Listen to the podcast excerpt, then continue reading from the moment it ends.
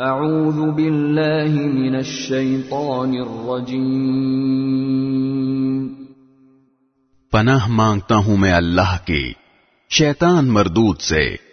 بسم اللہ الرحمن الرحیم.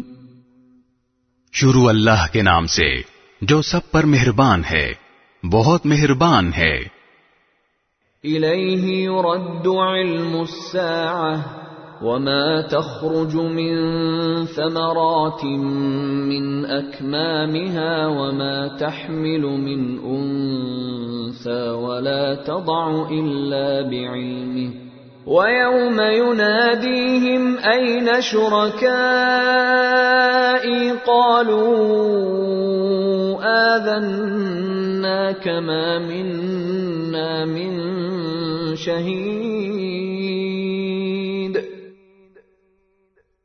قیامت کا علم اسی کی طرف لوٹایا جاتا ہے اور اللہ کے علم کے بغیر نہ پھلوں میں سے کوئی پھل اپنے شگوفوں سے نکلتا ہے اور نہ کسی مادہ کو حمل ٹھہرتا ہے اور نہ اس کے کوئی بچہ پیدا ہوتا ہے۔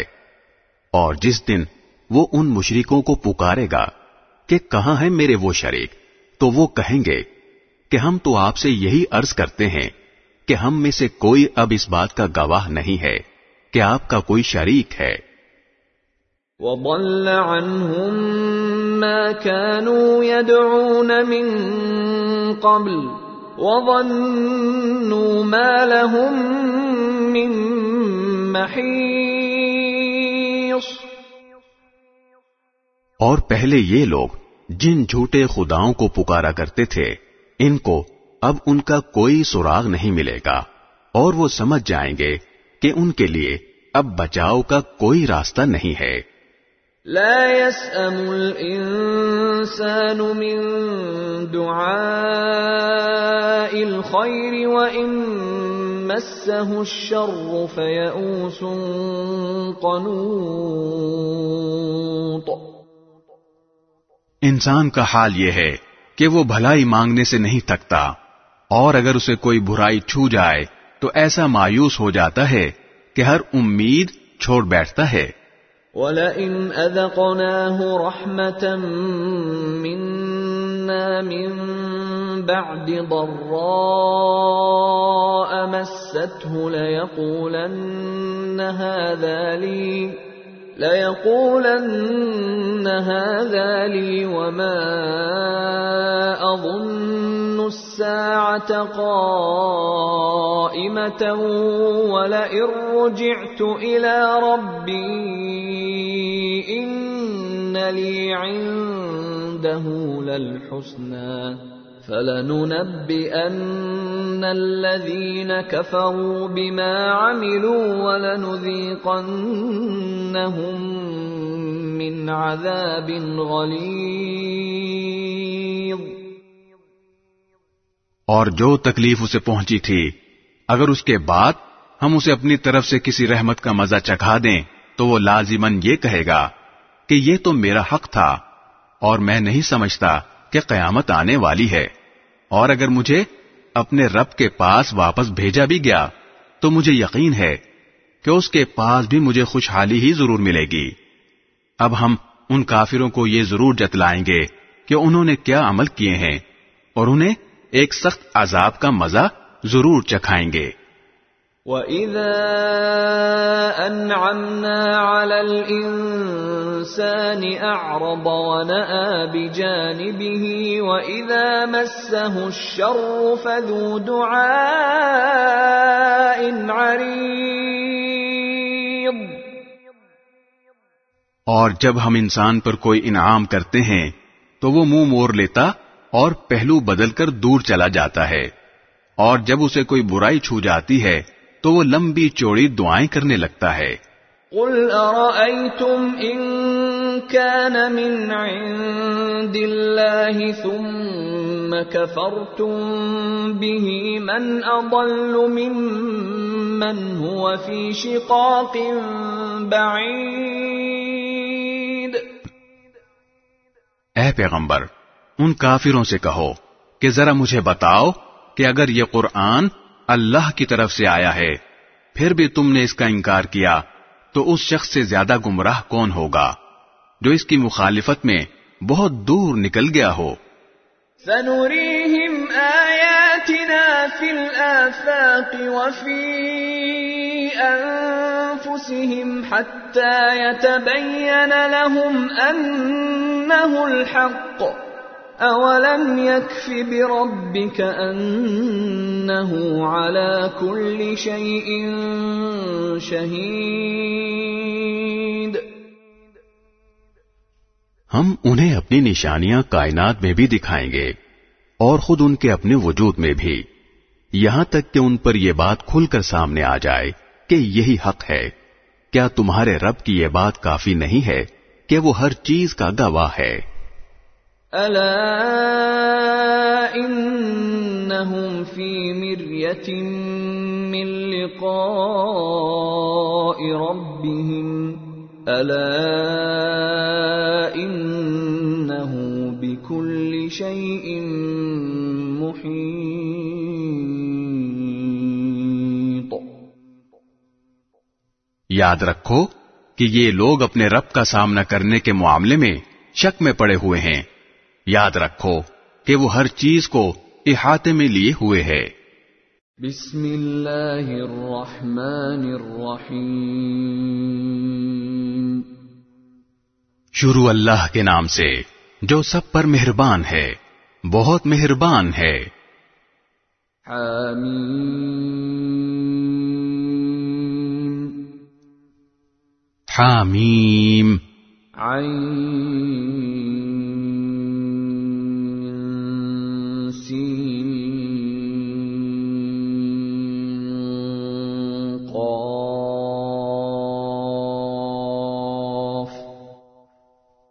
عین سین قاف۔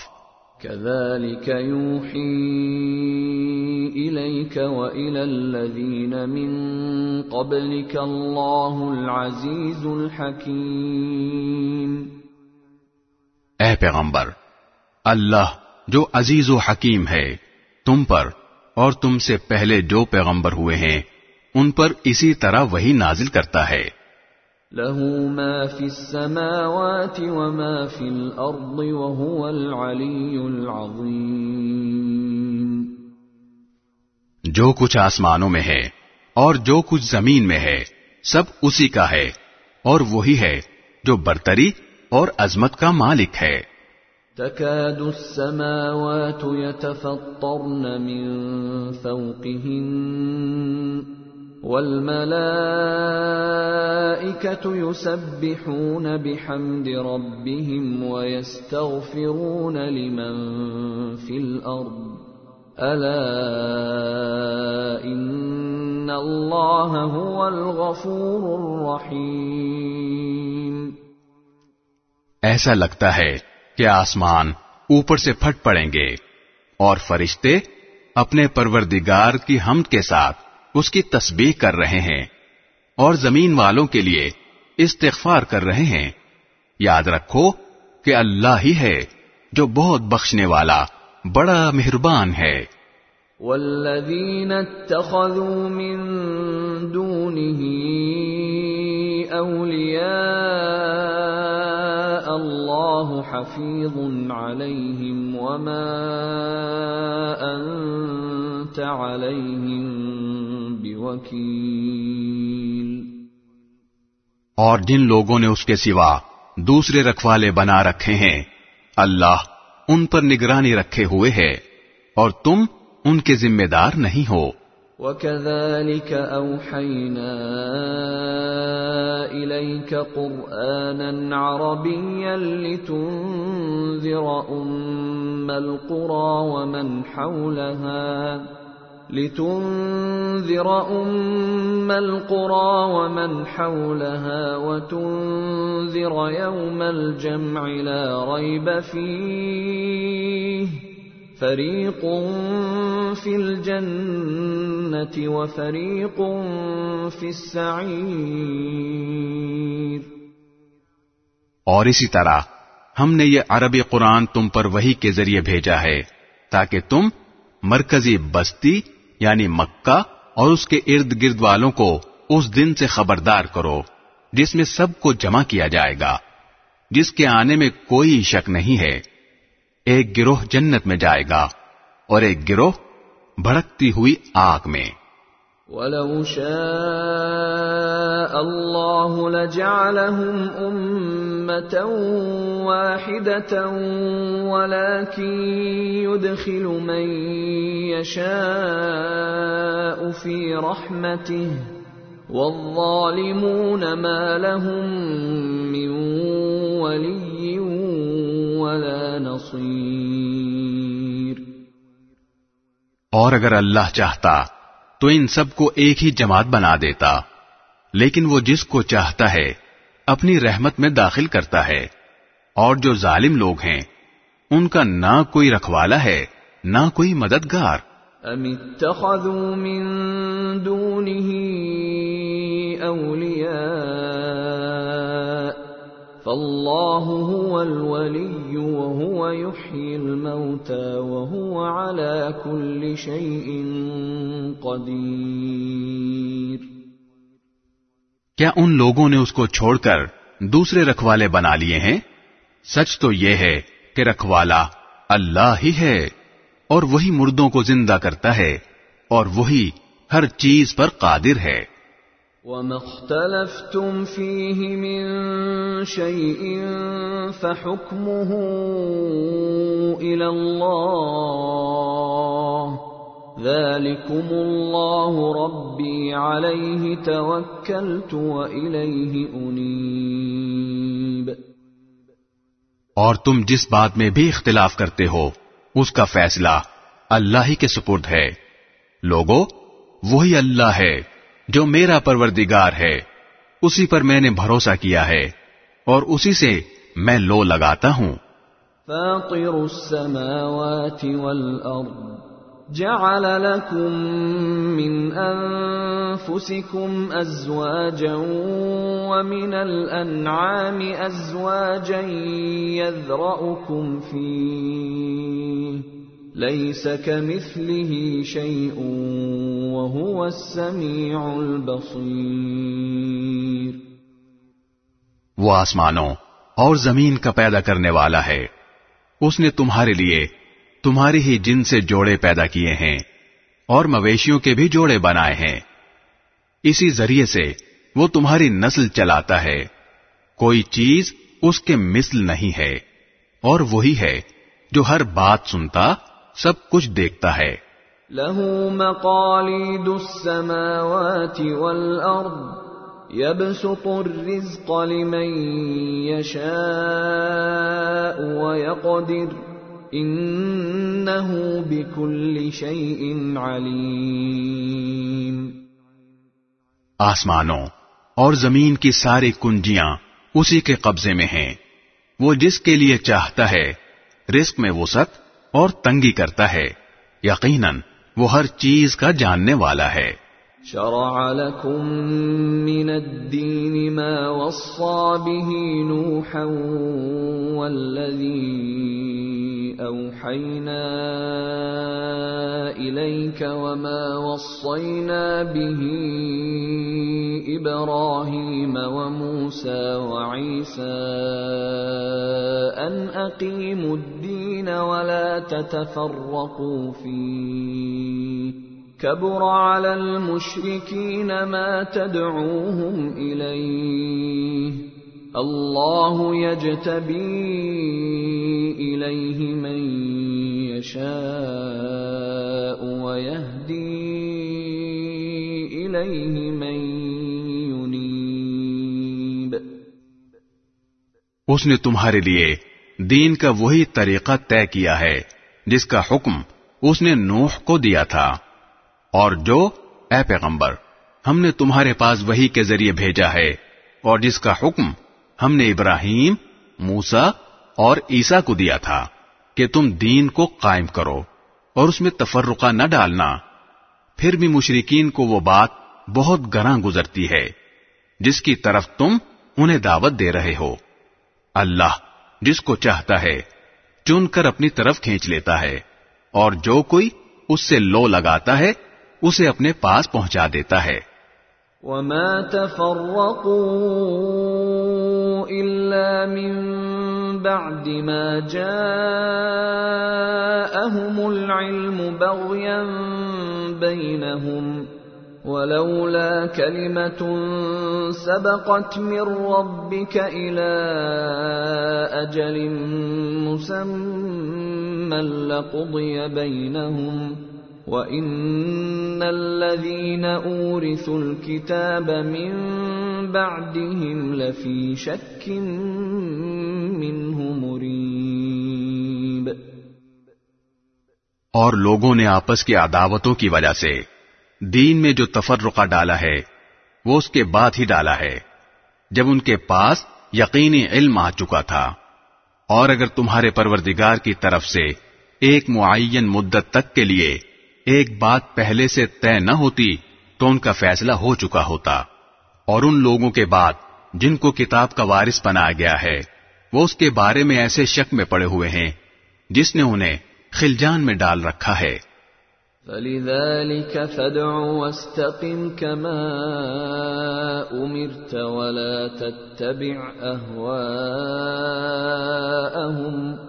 وقل آمنت بما أنزل الله من كتاب وأمرت لأعدل بينكم الله ربنا وربكم لنا أعمالنا ولكم أعمالكم لا حجة بيننا وبينكم الله يجمع بيننا واليه المصير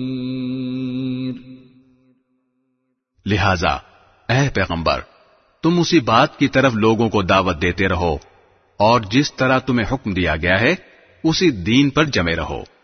اور ان لوگوں کی خواہشات کے پیچھے نہ چلو، اور کہہ دو کہ میں تو اس کتاب پر ایمان لایا ہوں جو اللہ نے نازل کی ہے، اور مجھے حکم دیا گیا ہے کہ میں تمہارے درمیان انصاف کروں۔ اللہ ہمارا بھی رب ہے اور تمہارا بھی رب۔ ہمارے اعمال ہمارے لیے ہیں اور تمہارے اعمال تمہارے لیے۔ ہمارے اور تمہارے درمیان اب کوئی بحث نہیں۔ اللہ ہم سب کو جمع کرے گا اور اسی کے پاس آخر سب کو لوٹنا ہے۔ والذين يحاجون في الله من بعد ما استجيب له حجتهم داحضة حجتهم داحضة عند ربهم وعليهم غضب ولهم عذاب شديد اور جو لوگ اللہ کے بارے میں بحثیں نکالتے ہیں، جبکہ لوگ اس کی بات مان چکے ہیں، ان کی بحث ان کے پروردگار کے نزدیک باطل ہے اور ان پر اللہ کا غضب ہے اور ان کے لیے سخت عذاب ہے۔ الله الذي انزل الكتاب بالحق والميزان وما يدريك لعل الساعه قريب اللہ وہ ہے جس نے حق پر مشتمل یہ کتاب اور انصاف کی ترازو اتاری ہے۔ اور تمہیں کیا پتا؟ شاید کہ قیامت کی گھڑی قریب ہی ہو۔ يستعجل بها الذين لا يؤمنون بها والذين امنوا مشفقون منها ويعلمون انها الحق۔ الا ان الذين يمارون في الساعه لفي ضلال بعيد جو لوگ اس پر ایمان نہیں رکھتے، وہ اس کے آنے کی جلدی مچاتے ہیں، اور جو لوگ ایمان لائے ہیں، وہ اس سے سہمے رہتے ہیں، اور جانتے ہیں کہ وہ برحق ہے۔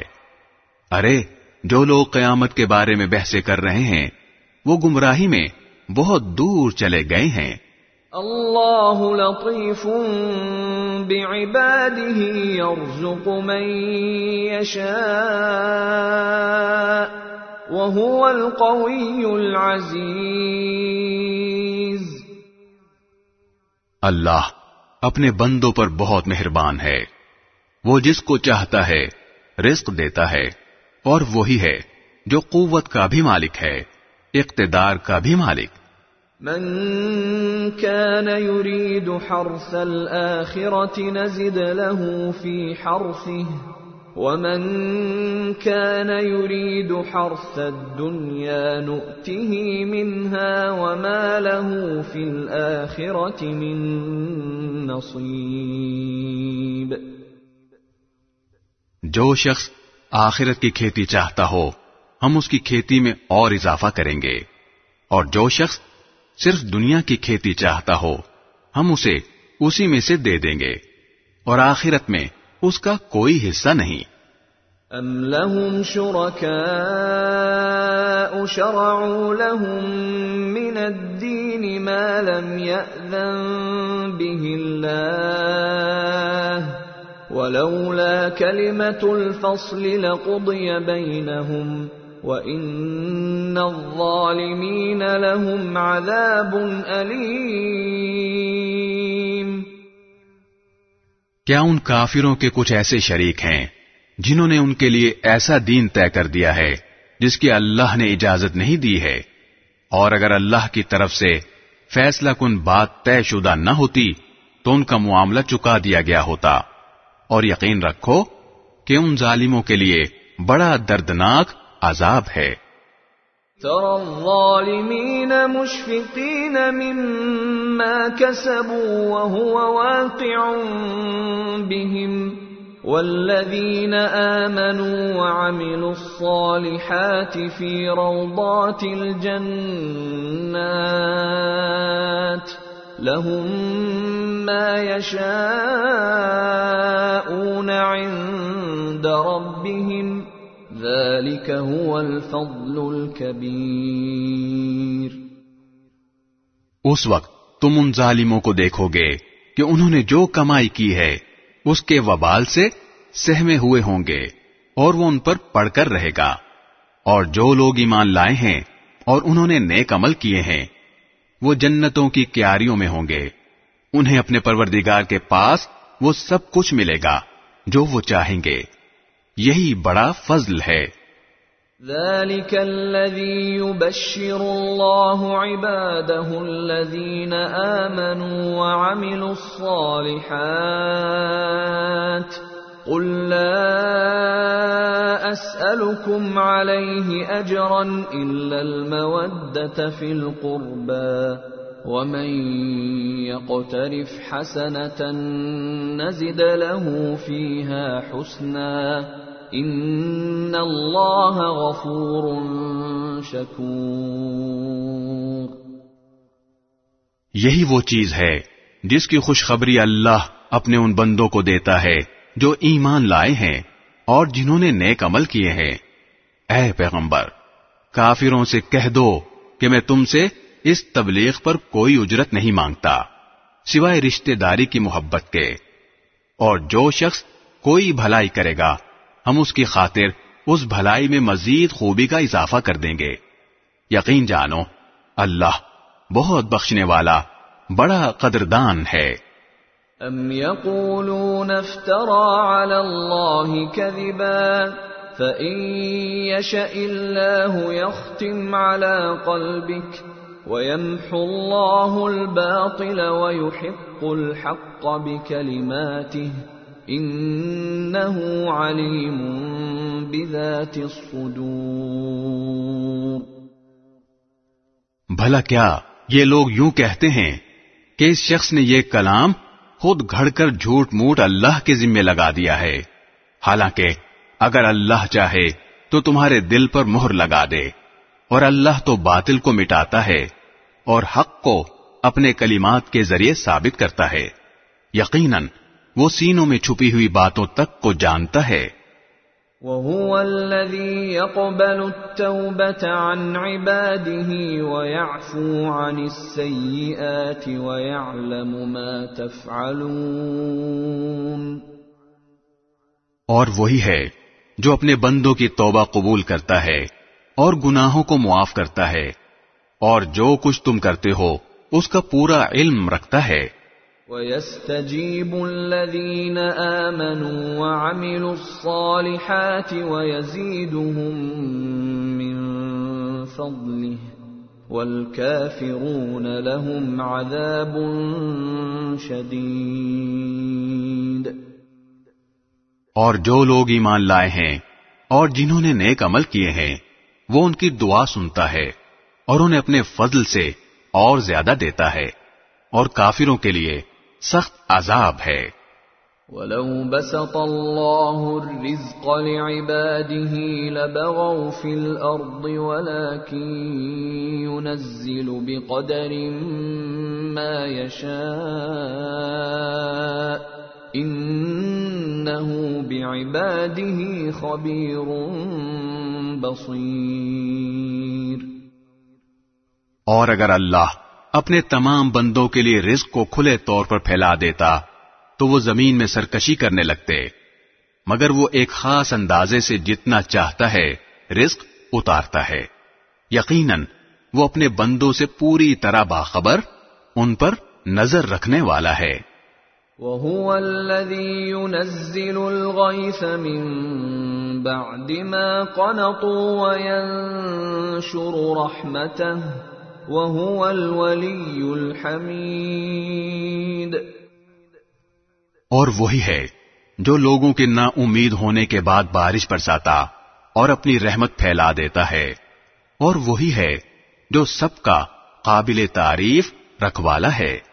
ومن آياته خلق السماوات والأرض وما بث فيهما من دابة وهو على جمعهم إذا يشاء قدير.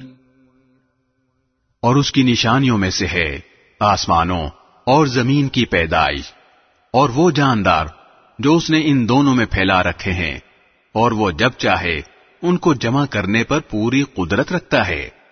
وما أصابكم من مصيبة فبما كسبت أيديكم ويعفو عن كثير۔ اور تمہیں جو کوئی مصیبت پہنچتی ہے وہ تمہارے اپنے ہاتھوں کیے ہوئے کاموں کی وجہ سے پہنچتی ہے۔ اور بہت سے کاموں سے تو وہ درگزر ہی کرتا ہے۔ وما أنتم بمعجزين في الأرض وما لكم من دون الله من ولي ولا نصير۔ اور تمہاری مجال نہیں ہے۔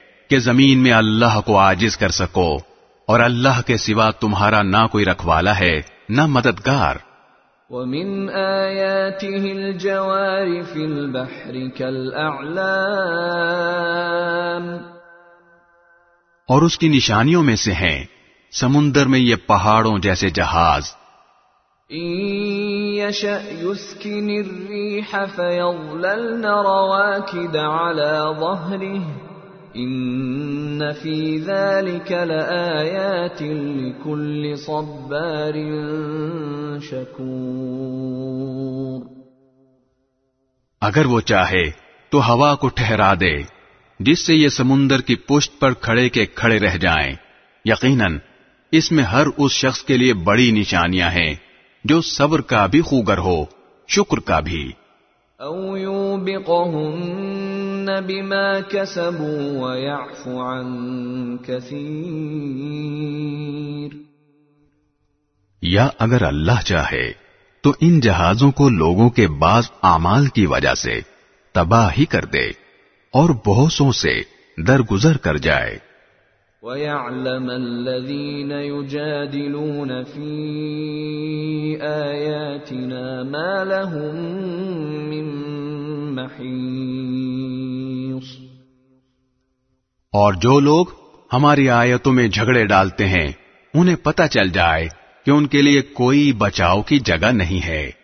فما اوتیتم من شیئن فمتاع الحیات الدنیا وما عند الله خير وابقى للذين امنوا وعلى ربهم يتوكلون غرض، تمہیں جو کوئی چیز دی گئی ہے، وہ دنیاوی زندگی کی پونجی ہے، اور جو کچھ اللہ کے پاس ہے، وہ ان لوگوں کے لیے کہیں بہتر اور پائیدار ہے، جو ایمان لائے ہیں اور اپنے پروردگار پر بھروسہ کرتے ہیں۔ والذين يجتنبون كبائر الإثم والفواحش وإذا ما غضبوا هم يغفرون۔ اور جو بڑے بڑے گناہوں اور بے حیائی کے کاموں سے پرہیز کرتے ہیں اور جب ان کو غصہ آتا ہے تو وہ درگزر سے کام لیتے ہیں۔ والذين استجابوا لربهم واقاموا الصلاه وامرهم شورى بينهم ومما رزقناهم ينفقون اور جنہوں نے اپنے پروردگار کی بات مانی ہے اور نماز قائم کی ہے، اور ان کے معاملات آپس کے مشورے سے طے ہوتے ہیں، اور ہم نے انہیں جو رزق دیا ہے۔ اس میں سے وہ نیکی کے کاموں میں خرچ کرتے ہیں۔ والذين اذا اصابهم البغي هم ينتصرون اور جب ان پر کوئی زیادتی ہوتی ہے تو وہ اپنا دفاع کرتے ہیں۔ وجزاء سيئه سيئه مثلها فمن عفا واصلح فاجره على الله انه لا يحب الظالمين۔ اور کسی برائی کا بدلہ اسی جیسی برائی ہے۔ پھر بھی جو کوئی معاف کر دے اور اصلاح سے کام لے تو اس کا ثواب اللہ نے ذمہ لیا ہے۔ یقیناً وہ ظالموں کو پسند نہیں کرتا۔ ولمن انتصر بعد ظلمه فأولئك ما عليهم من سبيل. اور جو شخص اپنے اوپر ظلم ہونے کے بعد برابر کا بدلہ لے، تو ایسے لوگوں پر کوئی الزام نہیں ہے۔ انما السبيل على الذين يظلمون الناس ويبغون في الارض بغير الحق. اولئك لهم عذاب اليم الزام تو ان پر ہے جو لوگوں پر ظلم کرتے اور زمین میں ناحق زیادتیاں کرتے ہیں. ایسے لوگوں کے لیے دردناک عذاب ہے۔ ولمن صبر وغفر ان ذلك لمن عزم الامور اور یہ حقیقت ہے کہ جو کوئی صبر سے کام لے اور درگزر کر جائے تو یہ بڑی ہمت کی بات ہے۔ ومن يضلل الله فما له من ولي بعده وترى الظالمين لما رأوا العذاب يقولون هل إلى مرد من سبيل؟ اور جسے اللہ گمراہ کر دے، تو اس کے بعد کوئی نہیں ہے جو اس کا مددگار بنے۔ اور جب ظالموں کو عذاب نظر آ جائے گا، تو تم انہیں یہ کہتا ہوا دیکھو گے۔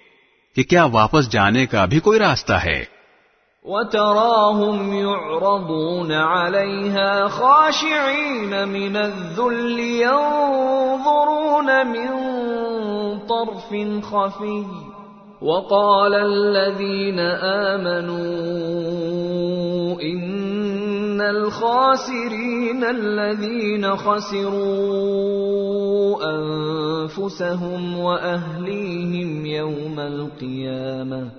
ألا إن الظالمين في عذاب مقيم. اور تم انہیں دیکھو گے کہ دوزخ کے سامنے انہیں اس طرح پیش کیا جائے گا کہ وہ ذلت کے مارے جھکے ہوئے کنکھیوں سے دیکھ رہے ہوں گے۔ اور جو لوگ ایمان لا چکے ہیں، وہ کہہ رہے ہوں گے کہ واقعی اصل خسارے میں وہ لوگ ہیں جنہوں نے قیامت کے دن اپنے آپ کو اور اپنے گھر والوں کو خسارے میں ڈال دیا۔ یاد رکھو کہ ظالم لوگ ایسے عذاب میں ہوں گے جو ہمیشہ قائم رہے گا۔ وما كان لهم من أولياء ينصرونهم من دون الله ومن يضلل الله فما له من سبيل اور ان کو ایسے کوئی مددگار میسر نہیں آئیں گے جو اللہ کو چھوڑ کر ان کی کوئی مدد کریں۔ اور جسے اللہ گمراہ کر دے، اس کے لیے بچاؤ کا کوئی راستہ نہیں ہوتا۔ استجیبوا لربکم من قبل ان یأتی یوم لا مرد له من اللہ۔ ما لكم من ملجأ يومئذ وما لكم من نكير لوگو، اپنے پروردگار کی بات اس دن کے آنے سے پہلے پہلے مان لو، جسے اللہ کی طرف سے ٹالا نہیں جائے گا۔ اس دن تمہارے لیے کوئی جائے پناہ نہیں ہوگی، اور نہ تمہارے لیے پوچھ گچھ کا کوئی موقع ہوگا۔ فَإِنْ أَعْرَضُوا فَمَا أَرْسَلْنَاكَ عَلَيْهِمْ حَفِيظًا إِنْ عَلَيْكَ إِلَّا الْبَلَاغُ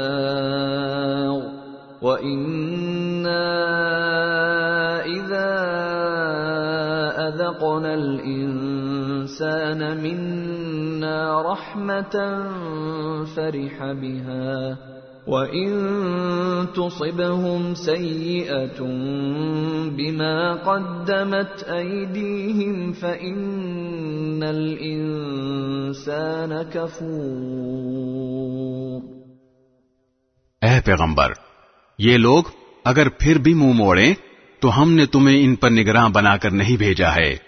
تم پر بات پہنچا دینے کے سوا کوئی ذمہ داری نہیں ہے۔ اور انسان کا حال یہ ہے کہ جب ہم انسان کو اپنی طرف سے کسی رحمت کا مزہ چکھا دیتے ہیں، تو وہ اس پر اترا جاتا ہے۔ اور اگر خود اپنے ہاتھوں کے کرتوت کی وجہ سے ایسے لوگوں کو کوئی مصیبت پیش آ جاتی ہے، تو وہی انسان پکا ناشکرا بن جاتا ہے۔ للہ ملک السماوات والارض يخلق ما يشاء يهب لمن يشاء اناثا ويهب لمن يشاء الذكور. سارے آسمانوں اور زمین کی سلطنت اللہ ہی کی ہے۔ وہ جو چاہتا ہے پیدا کرتا ہے۔ وہ جس کو چاہتا ہے لڑکیاں دیتا ہے اور جس کو چاہتا ہے لڑکے دیتا ہے۔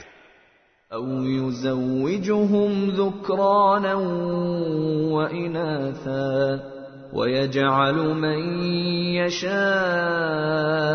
عقيما انه عليم قدير. یا پھر ان کو ملا جلا کر لڑکے بھی دیتا ہے اور لڑکیاں بھی اور جس کو چاہتا ہے بانج بنا دیتا ہے یقیناً وہ علم کا بھی مالک ہے قدرت کا بھی مالک وما كان لبشر ان يكلمه الله الا وحيا أو من وراء حجاب أو يرسل رسولا او يرسل رسولا فيوحي باذنه ما يشاء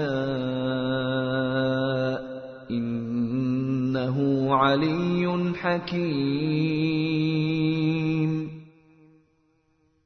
اور کسی انسان میں یہ طاقت نہیں ہے کہ اللہ اس سے روبرو بات کرے، سوائے اس کے کہ وہ وہی کے ذریعے ہو یا کسی پردے کے پیچھے سے۔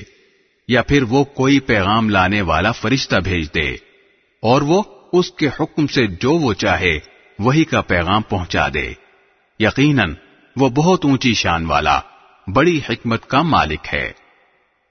وكذلك أوحينا إليك روحا من أمرنا۔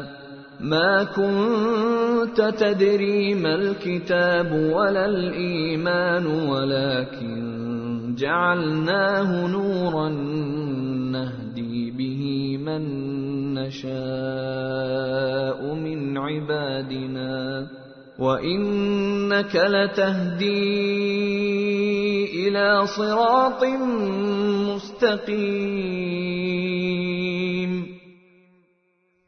اور اسی طرح ہم نے تمہارے پاس اپنے حکم سے ایک روح بطور وہی نازل کی ہے۔ تمہیں اس سے پہلے نہ یہ معلوم تھا کہ کتاب کیا ہوتی ہے اور نہ یہ کہ ایمان کیا ہے۔ لیکن ہم نے اس قرآن کو ایک نور بنایا ہے، جس کے ذریعے ہم اپنے بندوں میں سے جس کو چاہتے ہیں ہدایت دیتے ہیں۔ اور اس میں کوئی شک نہیں کہ تم لوگوں کو وہ سیدھا راستہ دکھا رہے ہو۔ صراط الله الذي له ما في السماوات وما في الأرض. ألا إلى الله تصير الأمور. جو اللہ کا راستہ ہے، وہ اللہ، جس کی ملکیت میں وہ سب کچھ ہے، جو آسمانوں میں ہے، اور وہ سب کچھ جو زمین میں ہے۔ یاد رکھو کہ سارے معاملات آخرکار اللہ ہی کی طرف لوٹیں گے۔ بسم اللہ الرحمن الرحیم۔ شروع اللہ کے نام سے جو سب پر مہربان ہے بہت مہربان ہے۔ حامیم۔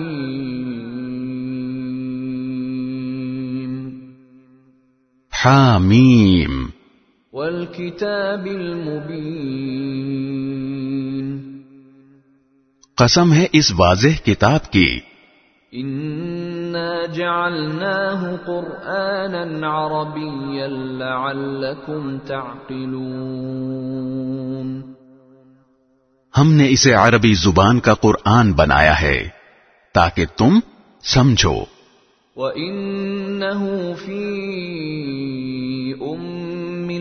الْكِتَابِ لَدَيْنَا لَعَلِيٌّ حَكِيمٌ۔ اور حقیقت یہ ہے کہ وہ ہمارے پاس لوح محفوظ میں بڑے اونچے درجے کی حکمت سے بھری ہوئی کتاب ہے۔ أَفَنَضْرِبُ عَنكُمُ الذِّكْرَ صَفْحًا أَن كُنتُمْ قَوْمًا مُسْرِفِينَ۔ بھلا کیا؟ ہم منہ موڑ کر اس نصیحت نامے کو تم سے اس بنا پر ہٹا لیں کہ تم حد سے گزرے ہوئے لوگ ہو۔ وَكَمْ أَرْسَلْنَا مِن نَّبِيٍّ فِي الْأَوَّلِينَ اور کتنے ہی نبی ہم نے پچھلے لوگوں میں بھی بھیجے ہیں۔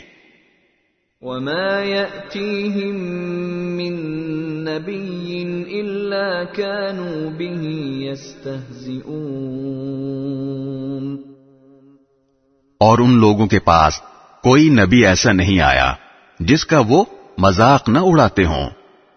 فَأَهْلَكْنَا أَشَدَّ مِنْهُم بَطْشًا وَمَضَىٰ مَثَلُ الْأَوَّلِينَ.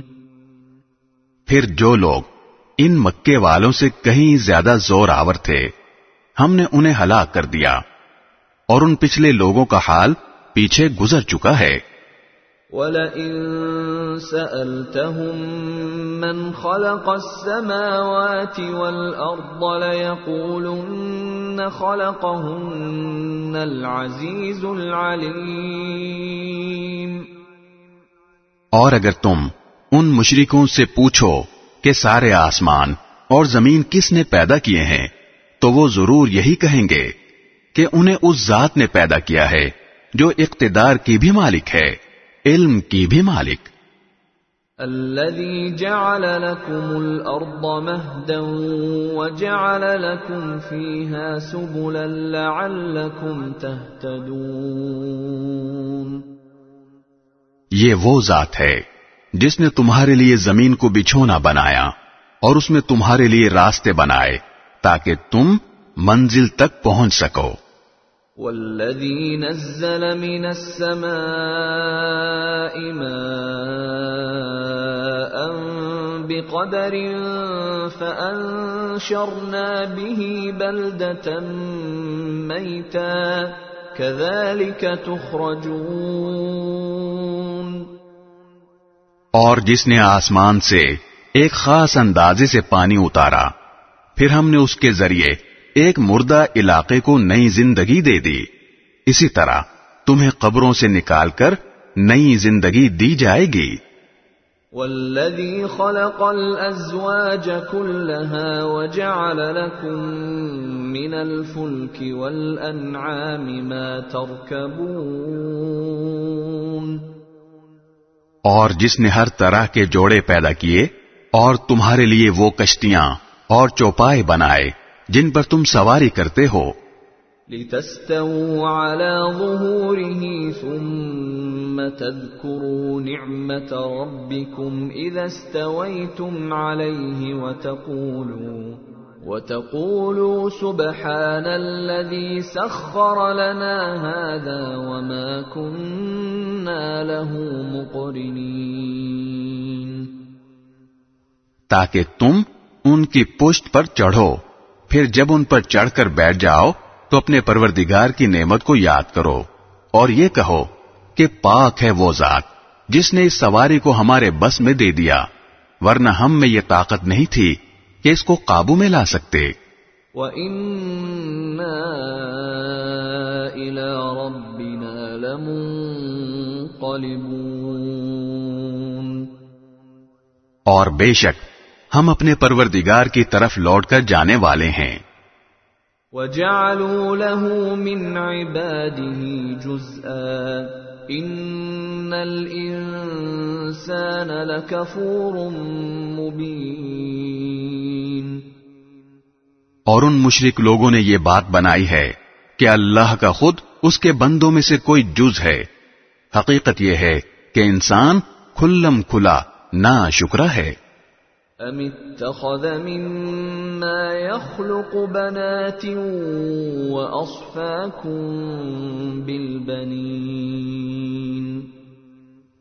بھلا کیا اللہ نے اپنی مخلوق میں سے اپنے لیے تو بیٹیاں پسند کی ہیں اور تمہیں بیٹوں کے لیے منتخب کیا ہے؟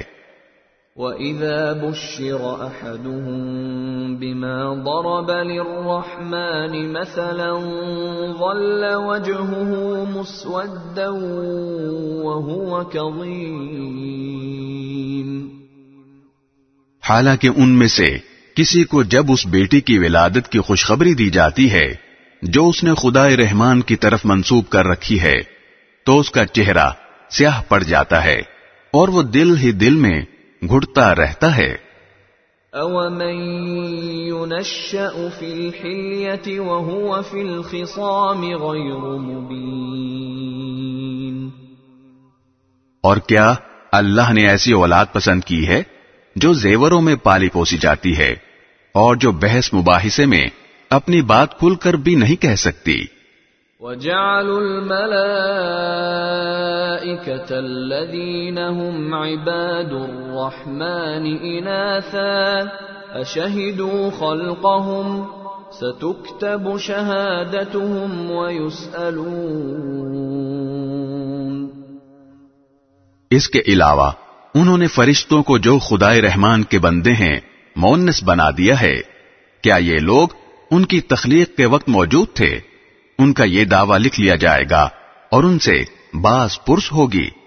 وقالوا لو شاء الرحمن ما عبدناهم ما لهم بذلك من علم انهم الا يخرصون۔ اور یہ کہتے ہیں کہ اگر خدائے رحمان چاہتا تو ہم ان فرشتوں کی عبادت نہ کرتے۔ ان کو اس بات کی حقیقت کا ذرا بھی علم نہیں ہے اور ان کا کام اس کے سوا کچھ نہیں کہ اندازوں کے تیر چلاتے ہیں۔ ام آتیناہم کتابا من قبله فهم به مستمسکون بھلا کیا؟ ہم نے انہیں اس سے پہلے کوئی کتاب دی تھی جسے یہ تھامے بیٹھے ہیں۔ بل قالوا انا وجدنا اباءنا على امه وأنا على اثارهم مهتدون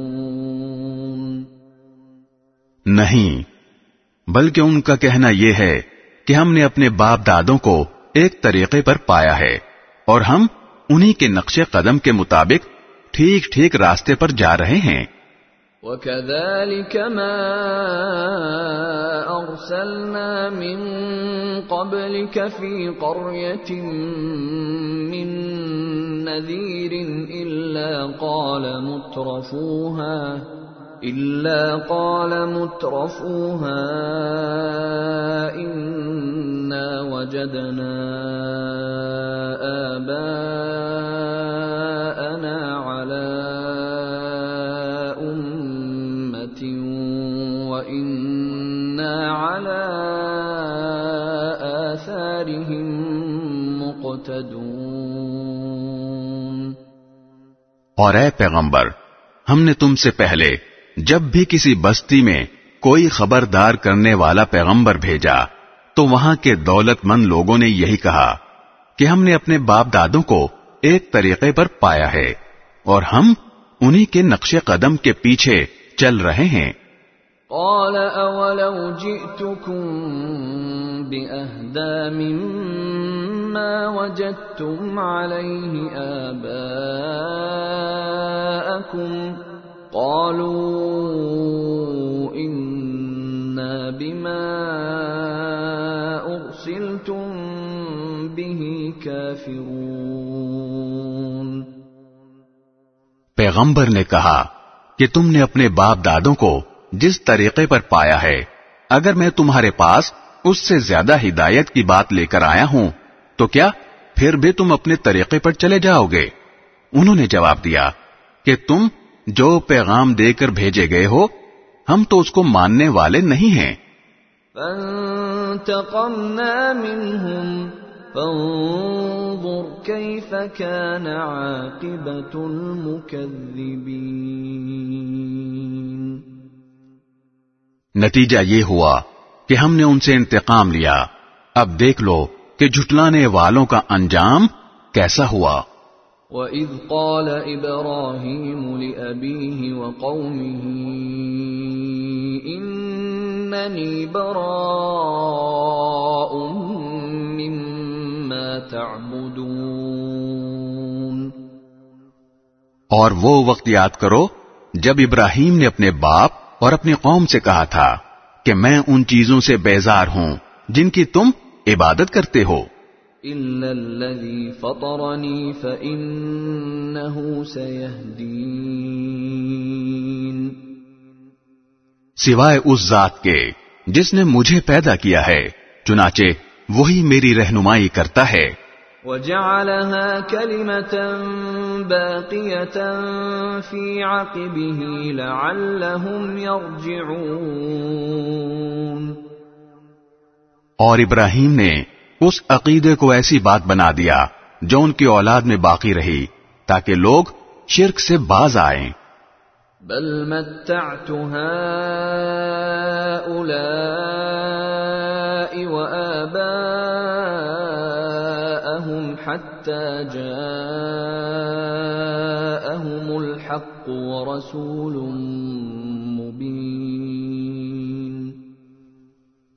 پھر بھی بہت سے لوگ باز نہ آئے۔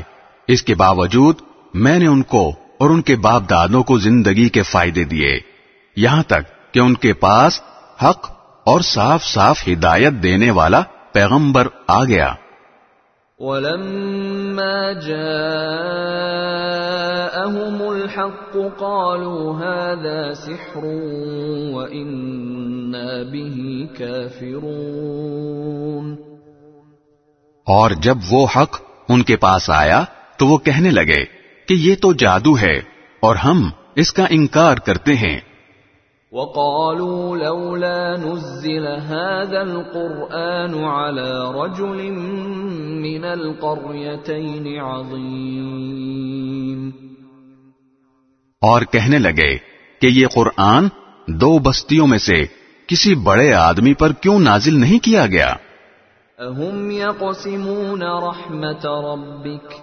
نحن قسمنا بينهم معيشتهم في الحياة الدنيا ورفعنا بعضهم فوق بعض درجات ليتخذ بعضهم بعضا سخريا ورحمة ربك خير مما يجمعون۔ بھلا کیا یہ لوگ ہیں جو تمہارے پروردگار کی رحمت تقسیم کریں گے؟ دنیاوی زندگی میں ان کی روزی کے ذرائع بھی ہم نے ہی ان کے درمیان تقسیم کر رکھے ہیں۔ اور ہم نے ہی ان میں سے ایک کو دوسرے پر درجات میں فوقیت دی ہے تاکہ وہ ایک دوسرے سے کام لے سکیں۔ اور تمہارے پروردگار کی رحمت تو اس دولت سے کہیں بہتر چیز ہے جو یہ جمع کر رہے ہیں۔ ولولا ان يكون الناس امه واحده لجعلنا لجعلنا لمن يكفر بالرحمن لبيوتهم سقفا من فضة ومعارج عليها يظهرون. اور اگر یہ اندیشہ نہ ہوتا کہ تمام انسان ایک ہی طریقے کے یعنی کافر ہو جائیں گے، تو جو لوگ خدا رحمان کے منکر ہیں، ہم ان کے لیے ان کے گھروں کی چھتیں بھی چاندی کی بنا دیتے اور وہ سیڑھیاں بھی جن پر وہ چڑھتے ہیں۔ وَلِبُيُوتِهِمْ أَبْوَابًا وَسُرُرًا عَلَيْهَا يَتَّكِئُونَ۔ اور ان کے گھروں کے دروازے بھی اور وہ تخت بھی جن پر وہ تکیا لگا کر بیٹھتے ہیں۔ وَزُخْرُفًا وَإِن كُلُّ ذَلِكَ لَمَّا مَتَاعُ الْحَيَاةِ الدُّنْيَا وَالْآخِرَةُ عِندَ رَبِّكَ لِلْمُتَّقِينَ بلکہ انہیں سونا بنا دیتے۔ اور حقیقت یہ ہے کہ یہ سب کچھ بھی نہیں، صرف دنیاوی زندگی کا سامان ہے۔ اور آخرت تمہارے پروردگار کے نزدیک پرہیزکاروں کے لیے ہے۔ ومن يعش عن ذكر الرحمن نقيض له شيطانا فهو له قرين۔ اور جو شخص خدائے رحمان کے ذکر سے اندھا بن جائے، ہم اس پر ایک شیطان مسلط کر دیتے ہیں، جو اس کا ساتھی بن جاتا ہے۔ وَإِنَّهُمْ لَيَصُدُّونَهُمْ عَنِ السَّبِيلِ وَيَحْسَبُونَ أَنَّهُمْ مُهْتَدُونَ ایسے شیاطین ان کو راستے سے روکتے رہتے ہیں اور وہ سمجھتے ہیں کہ ہم ٹھیک راستے پر ہیں۔ حتى إذا جاءنا قال يا ليت بيني وبينك بعد المشرقين فبئس القرين۔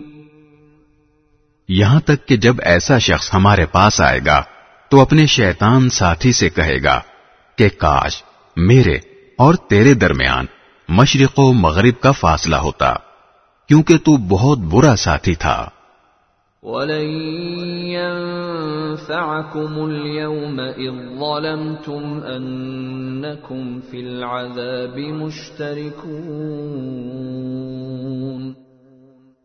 اور آج جب تم ظلم کر چکے ہو، تو تمہیں یہ بات ہرگز کوئی فائدہ نہیں پہنچائے گی کہ تم عذاب میں ایک دوسرے کے شریک ہو۔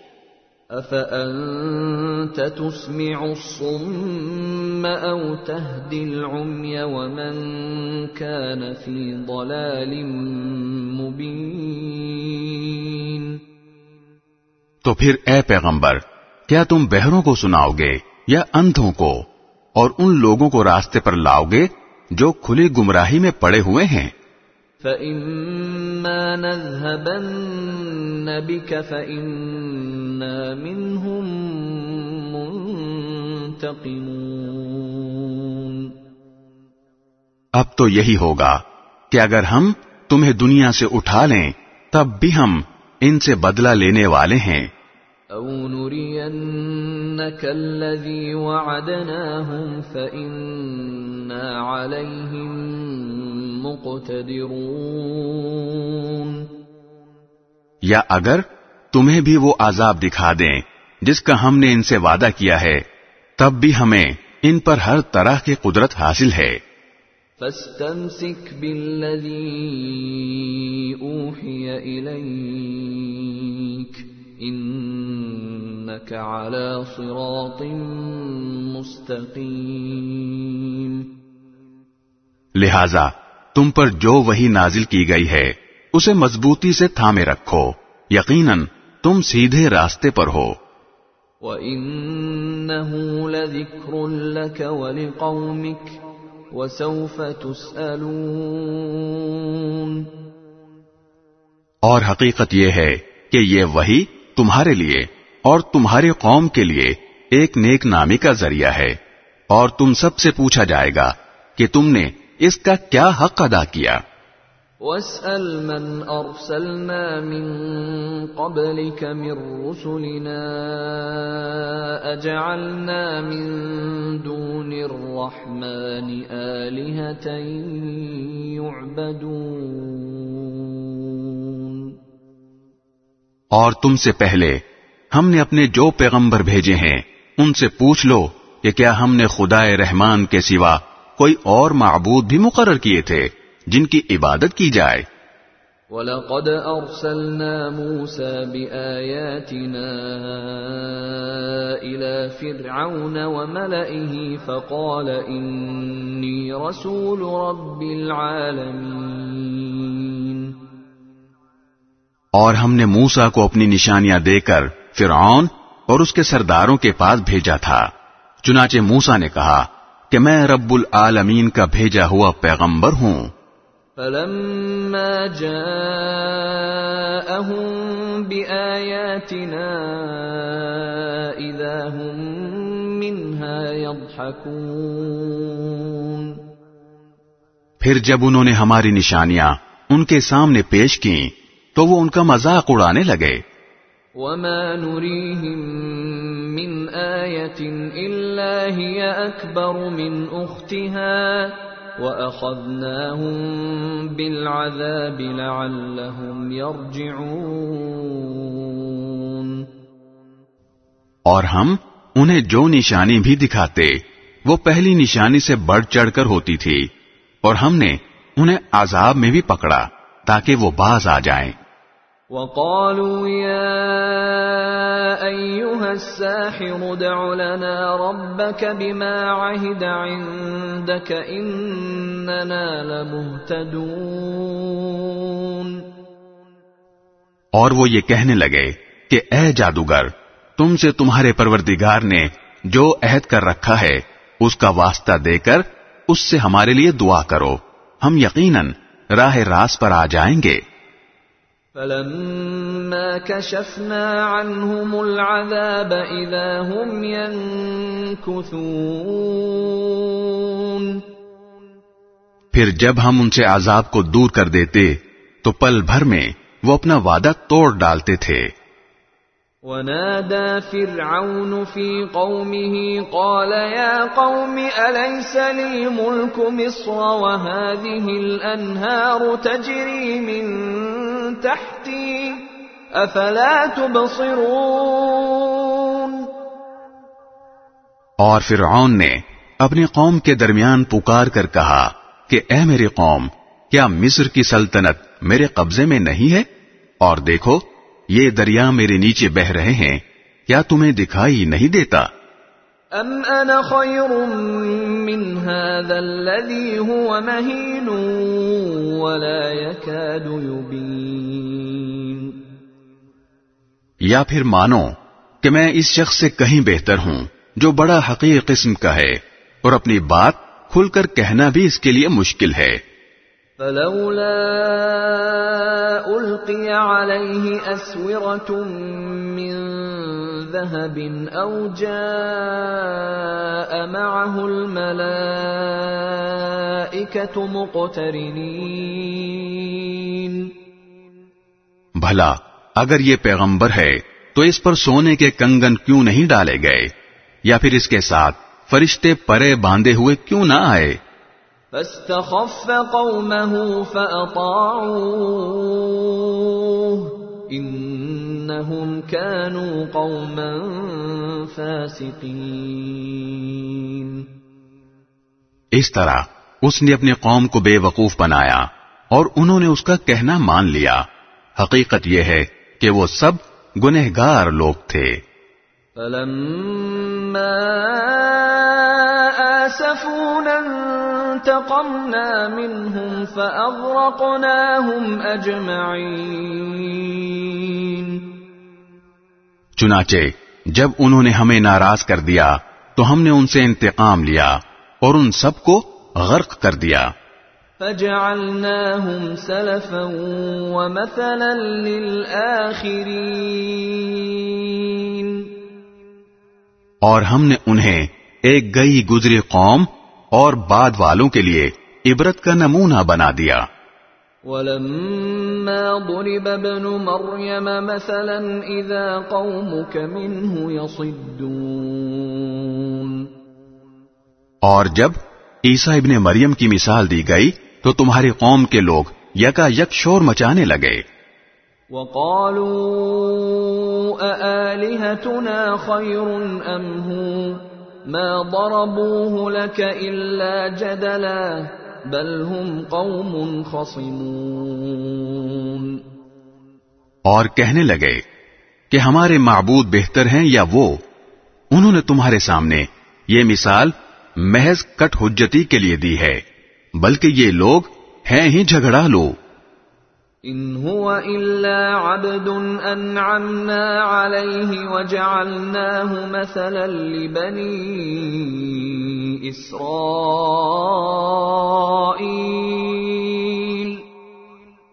وہ یعنی عیسیٰ علیہ السلام، تو بس ہمارے ایک بندے تھے، جن پر ہم نے انعام کیا تھا، اور بنی اسرائیل کے لیے ان کو ایک نمونہ بنایا تھا۔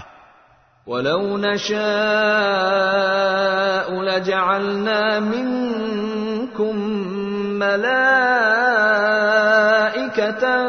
في الأرض يخلفون اور اگر ہم چاہیں تو تم سے فرشتے پیدا کر دیں جو زمین میں ایک دوسرے کے جانشین بن کر رہا کریں۔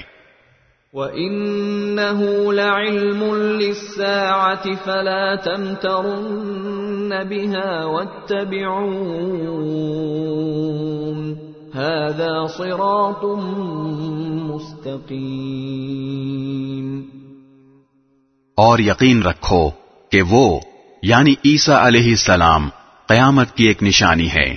اس لیے تم اس میں شک نہ کرو اور میری بات مانو، یہی سیدھا راستہ ہے۔ ولا يصدنكم الشيطان انه لكم عدو مبين اور ایسا ہرگز نہ ہونے پائے کہ شیطان تمہیں اس راستے سے روک دے۔ یقین جانو، وہ تمہارا کھلا دشمن ہے۔ ولما جاء عيسى بالبينات قال قد جئتكم بالحكمة ولأبين لكم ولأبين لكم بعض الذي تختلفون فيه فاتقوا الله وأطيعون.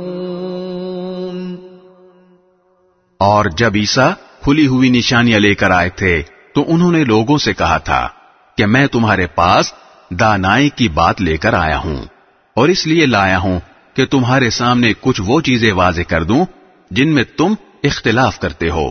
لہذا تم اللہ سے ڈرو اور میری بات مان لو۔ ان اللہ هو ربی وربکم فاعبدوه، هذا صراط مستقیم۔ یقیناً اللہ ہی میرا بھی رب ہے اور تمہارا بھی رب ہے اس لیے اس کی عبادت کرو یہی سیدھا راستہ ہے۔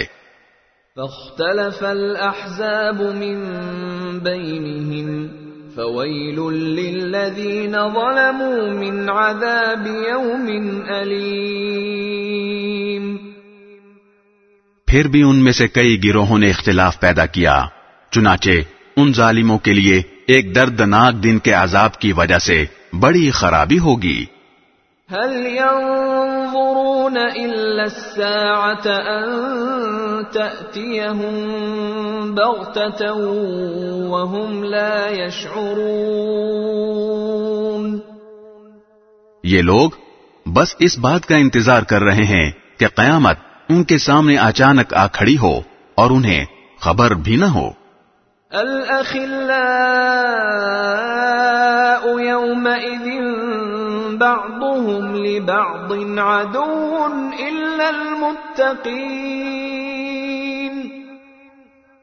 اس دن تمام دوست ایک دوسرے کے دشمن ہوں گے سوائے متقی لوگوں کے يا عباد لا خوف عليكم اليوم ولا انتم تحزنون جن سے کہا جائے گا کہ اے میرے بندو آج تم پر نہ کوئی خوف تاری ہوگا اور نہ تم غمگین ہوگے۔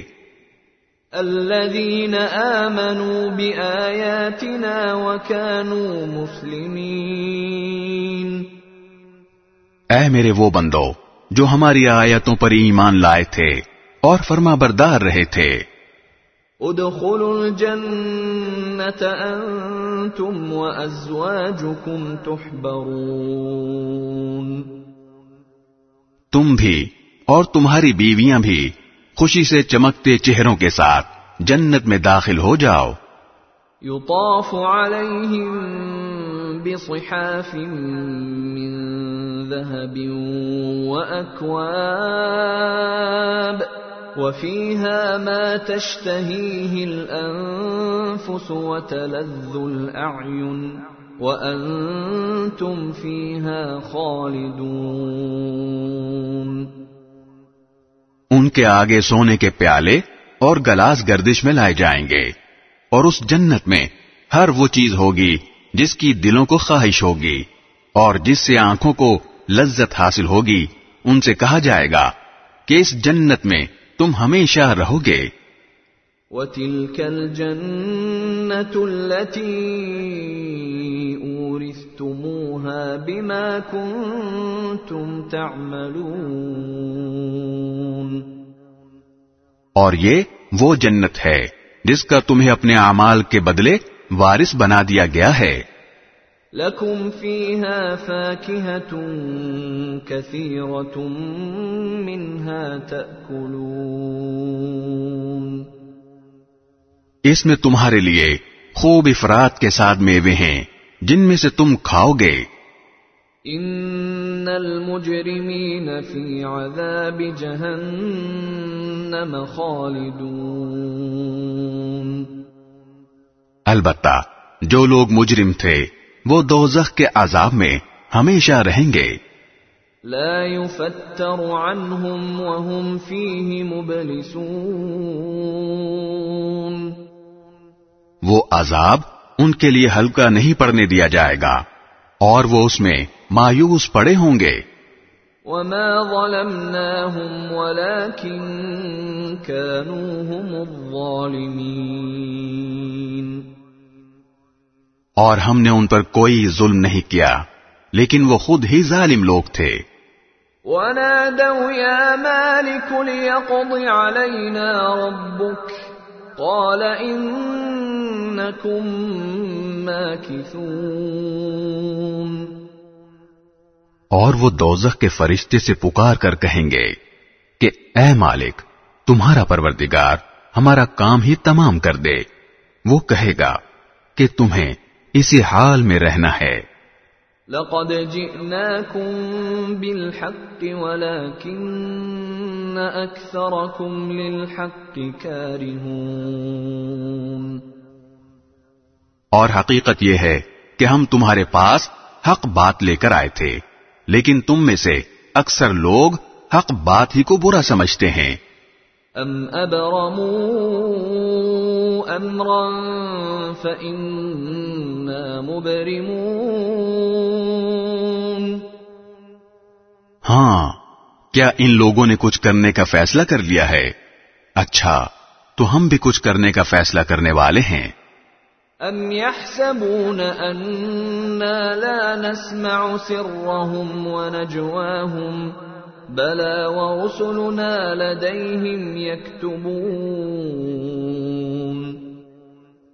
کیا انہوں نے یہ سمجھ رکھا ہے کہ ہم ان کی خفیہ باتیں اور ان کی سرگوشیاں نہیں سنتے؟ کیسے نہیں سنتے؟ نیز ہمارے فرشتے ان کے پاس ہیں، وہ سب کچھ لکھتے رہتے ہیں۔ قل ان كان للرحمن ولد فانا اول العابدين اے پیغمبر کہہ دو کہ اگر خدا رحمان کی کوئی اولاد ہوتی تو سب سے پہلا عبادت کرنے والا میں ہوتا۔ سبحان رب السماوات والارض رب العرش عما يصفون۔ وہ جو آسمانوں اور زمین کا بھی مالک ہے عرش کا بھی مالک وہ ان ساری باتوں سے پاک ہے جو یہ بنایا کرتے ہیں۔ فذرهم يخوضوا ويلعبوا حتى يلاقوا يومهم الذي يوعدون۔ لہذا اے پیغمبر انہیں اپنے حال پر چھوڑ دو کہ یہ ان باتوں میں ڈوبے رہیں اور ہنسی کھیل کرتے رہیں۔ یہاں تک کہ وہ اپنے اس دن سے جا ملیں جس کا ان سے وعدہ کیا جا رہا ہے۔ وهو الذي في السماء إله وفي الأرض إله وهو الحكيم العليم۔ وہی اللہ ہے جو آسمان میں بھی معبود ہے اور زمین میں بھی معبود اور وہی ہے جو حکمت کا بھی مالک ہے علم کا بھی مالک۔ وتبارك الذي له ملك السماوات والأرض وما بينهما وعنده علم الساعة وعنده علم الساعة وإليه ترجعون۔ اور بڑی شان ہے اس کی جس کے قبضے میں آسمانوں اور زمین۔ اور ان کے درمیان تمام چیزوں کی سلطنت ہے اور اسی کے پاس قیامت کا علم ہے اور اسی کے پاس تم سب کو واپس لے جایا جائے گا۔ ولا يملك الذين يدعون من دونه الشفاعة إلا من شهد بالحق وهم يعلمون۔ اور یہ لوگ اسے چھوڑ کر جن معبودوں کو پکارتے ہیں انہیں کوئی سفارش کرنے کا اختیار نہیں ہوگا۔ ہاں البتہ جن لوگوں نے حق بات کی گواہی دی ہو اور انہیں اس کا علم بھی ہو۔ وَلَئِن سَأَلْتَهُم مَّنْ خَلَقَهُمْ لَيَقُولُنَّ اللَّهُ فَأَنَّىٰ يُؤْفَكُونَ۔ اور اگر تم ان لوگوں سے پوچھو کہ ان کو کس نے پیدا کیا ہے تو وہ ضرور یہی کہیں گے کہ اللہ نے۔ اس کے باوجود کوئی انہیں کہاں سے اوندھا چلا دیتا ہے۔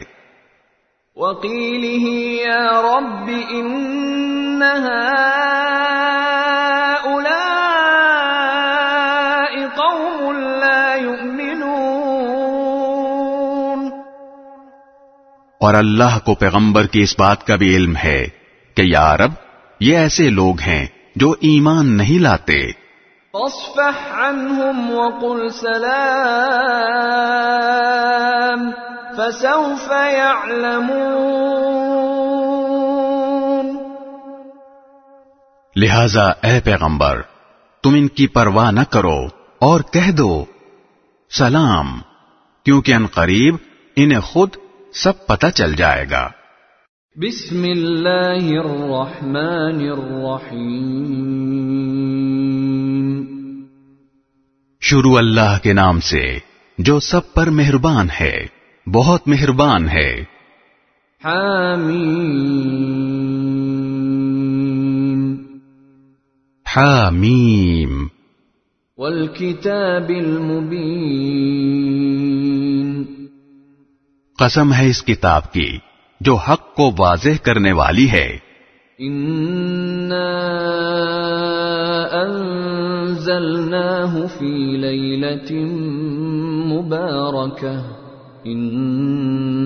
كنا منذرين۔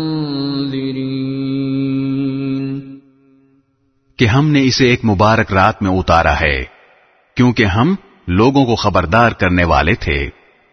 فيها يفرق كل امر حكيم. امرا من عندنا انا كنا مرسلين. اسی رات میں ہر حکیمانہ معاملہ ہمارے حکم سے طے کیا جاتا ہے۔ نیز ہم ایک پیغمبر بھیجنے والے تھے۔ رحمة من ربك انه هو السميع العليم تاکہ تمہارے رب کی طرف سے رحمت کا معاملہ ہو۔ یقیناً وہی ہے جو ہر بات سننے والا ہر چیز جاننے والا ہے۔ رب السماوات والارض وما بينهما ان كنتم موقنين۔ جو سارے آسمانوں اور زمین کا اور ان کے درمیان ہر چیز کا رب ہے اگر تم واقعی یقین کرنے والے ہو۔ لا اله الا هو يحيي ويميت. ربكم ورب آبائكم الاولين اس کے سوا کوئی معبود نہیں ہے۔ وہ زندگی بھی دیتا ہے اور موت بھی۔ وہ تمہارا بھی رب ہے اور تمہارے پہلے گزرے ہوئے باپ دادوں کا بھی رب۔ بل هم في شك يلعبون پھر بھی کافر ایمان نہیں لاتے بلکہ وہ شک میں پڑے ہوئے کھیل کر رہے ہیں۔ فارتقب يوم تأتي السماء بدخان مبين. لہذا اس دن کا انتظار کرو جب آسمان ایک واضح دھواں لے کر نمودار ہوگا۔ يغشى الناس هذا عذاب أليم جو لوگوں پر چھا جائے گا یہ ایک دردناک سزا ہے۔ ربنا اكشف عنا العذاب إنا مؤمنون۔ اس وقت یہ لوگ کہیں گے کہ اے ہمارے پروردگار ہم سے یہ عذاب دور کر دیجیے ہم ضرور ایمان لے آئیں گے۔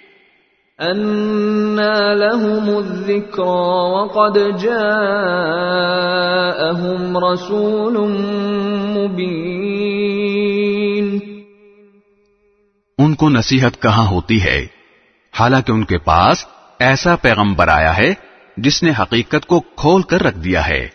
ثم تولوا عنه وقالوا معلم مجنون۔ پھر بھی یہ لوگ اس سے منہ موڑے رہے اور کہنے لگے کہ یہ سکھایا پڑھایا ہوا ہے دیوانہ ہے۔ العذاب عائدون۔ اچھا ہم عذاب کو کچھ عرصے تک ہٹا دیتے ہیں۔ یقین ہے کہ تم پھر اسی حالت پر لوٹ آؤ گے۔ یوم نبطش البطشة الكبرى إنا منتقمون جس دن ہماری طرف سے سب سے بڑی پکڑ ہوگی، اس دن ہم پورا انتقام لے لیں گے۔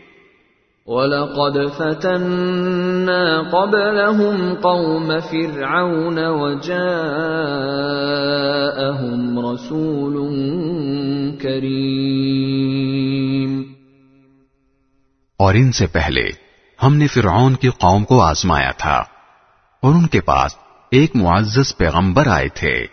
ان ادوا الی عباد اللہ انی لکم رسول امین اور انہوں نے کہا تھا کہ اللہ کے بندوں کو میرے حوالے کر دو میں تمہاری طرف ایک امانت دار پیغمبر بن کر آیا ہوں۔ وَأَلَّا تَعْلُوا عَلَى اللَّهِ إِنِّي آتِيكُمْ بِسُلْطَانٍ مُبِينٍ۔ اور یہ کہ اللہ کے آگے سرکشی مت کرو۔ میں تمہارے پاس ایک کھلی ہوئی دلیل پیش کرتا ہوں۔ وَإِنِّي عُذْتُ بِرَبِّي وَرَبِّكُمْ أَن تَرْجُمُونَ۔ اور میں اس بات سے اپنے پروردگار اور تمہارے پروردگار کی پناہ لیتا ہوں کہ تم مجھے سنسار کرو۔ وَإِن لَّمْ تُؤْمِنُوا لِي فَاعْتَزِلُونَ اور اگر تم مجھ پر ایمان نہیں لاتے تو مجھ سے الگ ہو جاؤ۔ فدعا ربه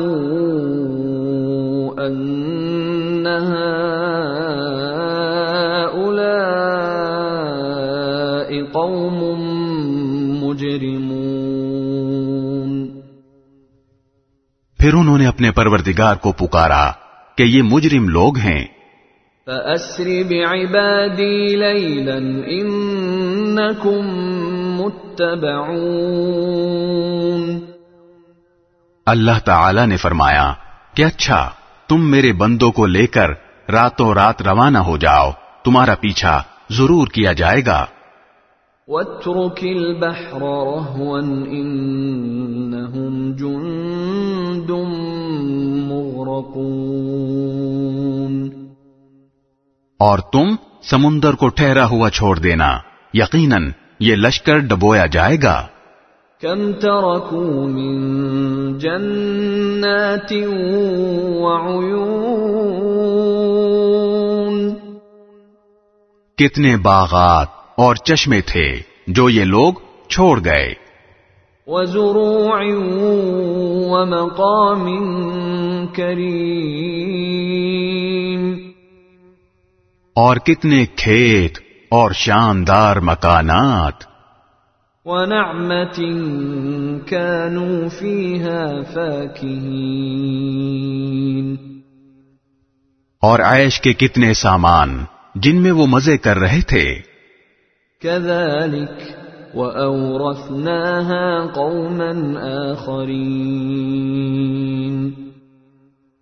ان کا انجام اسی طرح ہوا اور ہم نے ان سب چیزوں کا وارث ایک دوسری قوم کو بنا دیا۔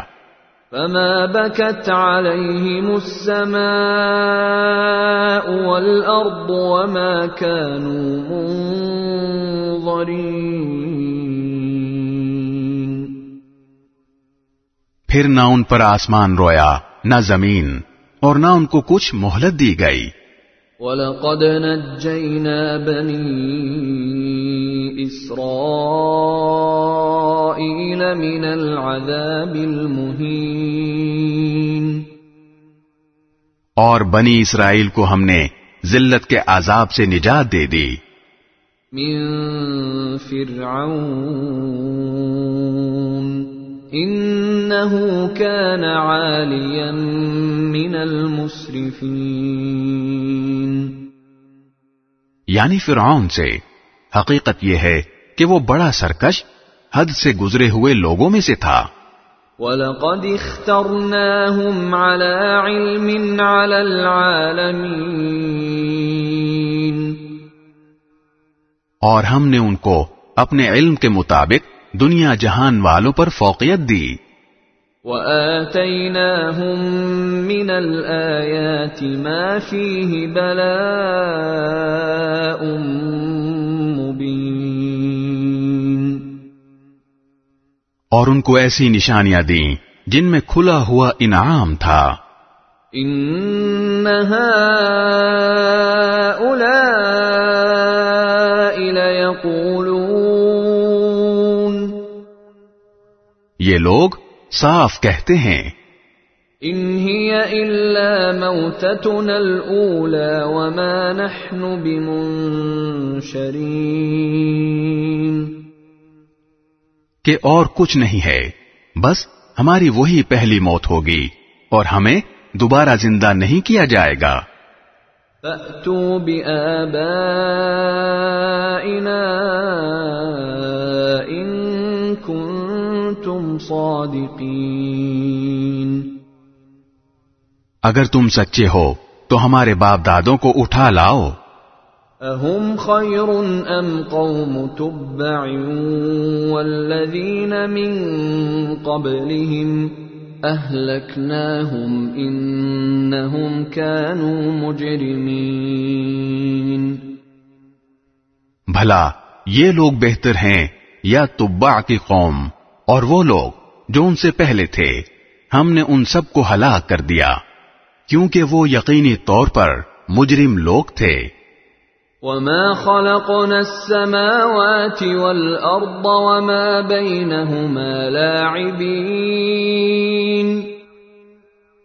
اور ہم نے آسمانوں اور زمین اور ان کے درمیان کی چیزیں بے فائدہ کھیل کرنے کے لیے پیدا نہیں کر دی ہیں۔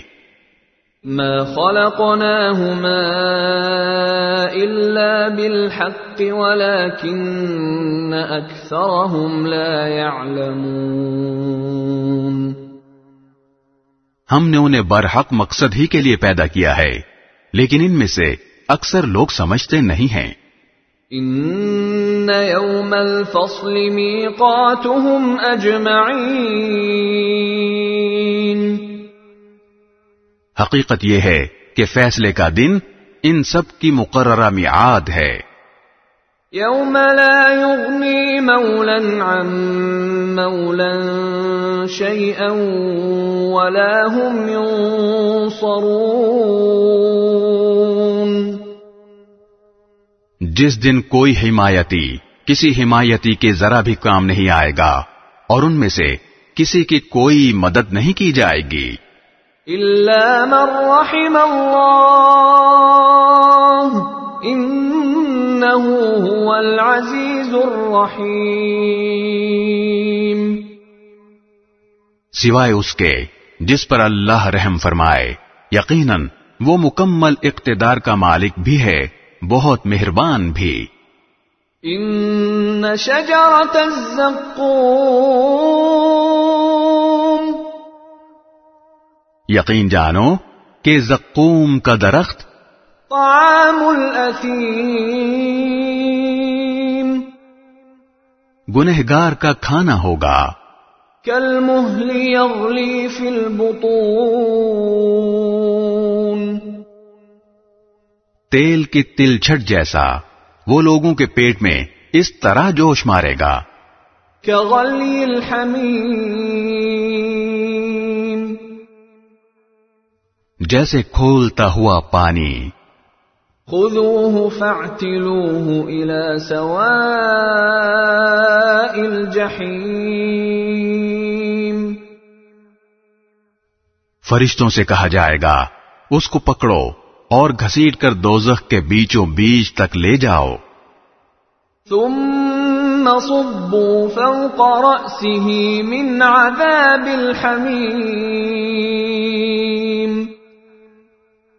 پھر اس کے سر کے اوپر کھولتے ہوئے پانی کا عذاب انڈیل دو۔ ذق إنك أنت العزيز الكريم۔ کہا جائے گا کہ لے چکھ تو ہی ہے وہ بڑا صاحب اقتدار بڑا عزت والا۔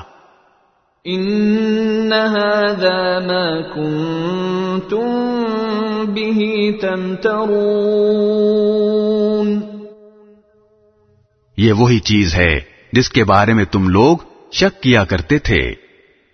ان المتقین فی مقام امین دوسری طرف پرہیزگار لوگ یقیناً امن و امان والی جگہ میں ہوں گے۔ جنات وعیون۔ باغات میں اور چشموں میں۔ يلبسون من سندس واستبرق متقابلين وہ آمنے سامنے بیٹھے ہوئے سندس اور اس تبرق کا لباس پہنے ہوں گے۔ كذلك وزوجناهم بحور عين۔ ان کے ساتھ یہی معاملہ ہوگا اور ہم بڑی بڑی آنکھوں والی حوروں کا ان سے بیاہ کر دیں گے۔ يدعون فيها بكل فاكهة آمنين۔ وہ وہاں بڑے اطمینان سے ہر قسم کے میوے منگواتے ہوں گے۔ لا يذوقون فيها الموت إلا الموتة الأولى ووقاهم عذاب الجحيم۔ جو موت ان کو پہلے آ چکی تھی اس کے علاوہ وہاں وہ کسی اور موت کا مزہ نہیں چکھیں گے۔ اور اللہ انہیں دوزخ کے عذاب سے محفوظ رکھے گا۔ فضلا من ربك ذلك هو الفوز العظيم۔ یہ سب تمہارے پروردگار کی طرف سے فضل ہوگا۔ انسان کے لیے زبردست کامیابی یہی ہے۔ فإنما يسرناه بلسانك لعلهم يتذكرون۔